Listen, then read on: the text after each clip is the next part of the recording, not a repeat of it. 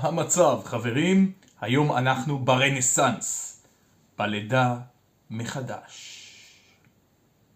תחזרו אחרי הפתיח.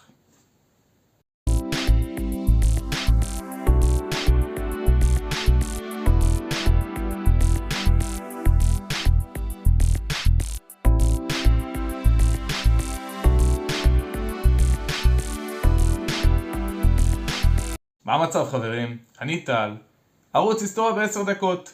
אם עדיין לא עשיתם לייק, נרשמתם כמנוי, לייק, נרשמתם כמנוי, תעשו את זה. אני רוצה לדבר על הרנסאנס, מה זה בעצם התקופה הזאת שאנחנו מדברים עליה הרבה פעמים? מה זה? מה הסיפור?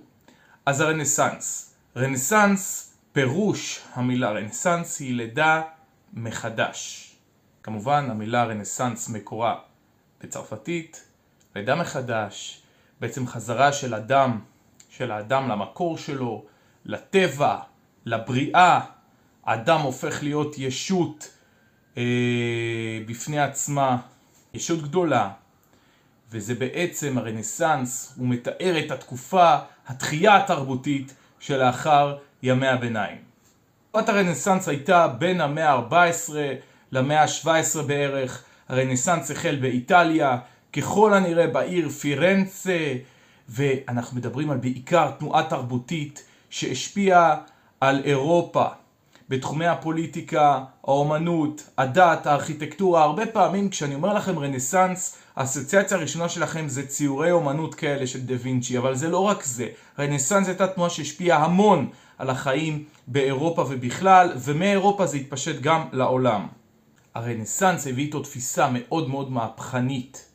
אם בימי הביניים למשל, ואני מזמין אתכם אה, לראות את הפרק על הפיודליות, התקופה הפיודלית בעצם, שמדברת על ימי הביניים, אם בימי הביניים מה שהיה במרכז זה הכנסייה, האל, הדת, אז מה שהיה בעצם ברנסאנס זה תפיסה מהפכנית שפורצת אה, את המושג הזה שרק לכנסייה יש את הידע, הידע הוא בעצם הופך להיות אה, נחלת אה, כולם, גם האדם החילוני לא רק מצוי בכנסייה עצמה, ומקורות בכלל והשפעה על הרנסאנס, אז אה, יש לנו את התרבות היוונית, הרומית, שמדברת על הדרת גוף האדם, למשל לעומת התפיסה בנצרות שמצניעה את האדם, פריחת החילוניות, האדם הופך להיות במרכז כמו שאמרתי בהתחלה, ומשם גם התקדם הרעיון הפילוסופי של מהי מדינה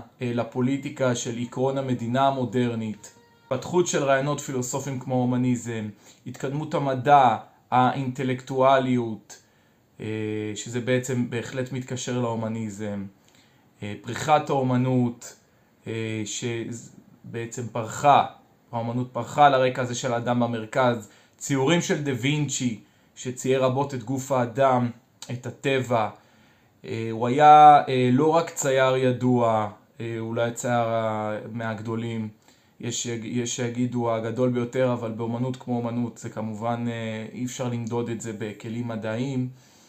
דה וינצ'י היה איש אשכולות במגוון תחומי ידע, לא רק בציור, אלא גם בפיסול, הוא גם היה מהנדס, הוא היה אדריכל ובכלל ממציא, הסטארט-אפיסט של פעם. הוא נולד ב... נולד ב-1452, הציור המפורסם שלו, אולי הציור המפורסם ביותר זה כמובן המונליזה, ויש גם את הציור אה, הסעודה האחרונה, שמתאר בעצם את הסעודה האחרונה של ישו.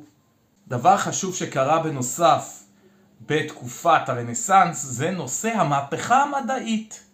השיטה המדעית בעצם שהתבססה במהפכה ועד היום היא קורית זה בעצם למידה אמפירית. זה למידה באמצעות התנסות חושית. What you see, what you get. תצפיות, כל מיני ניסויים. וזה בעצם דבר שביסס את המדע והטכנולוגיה הלאה. הנושא הזה של השיטה האמפירית ובכלל שיטת למידה שהיא באמצעות החושים.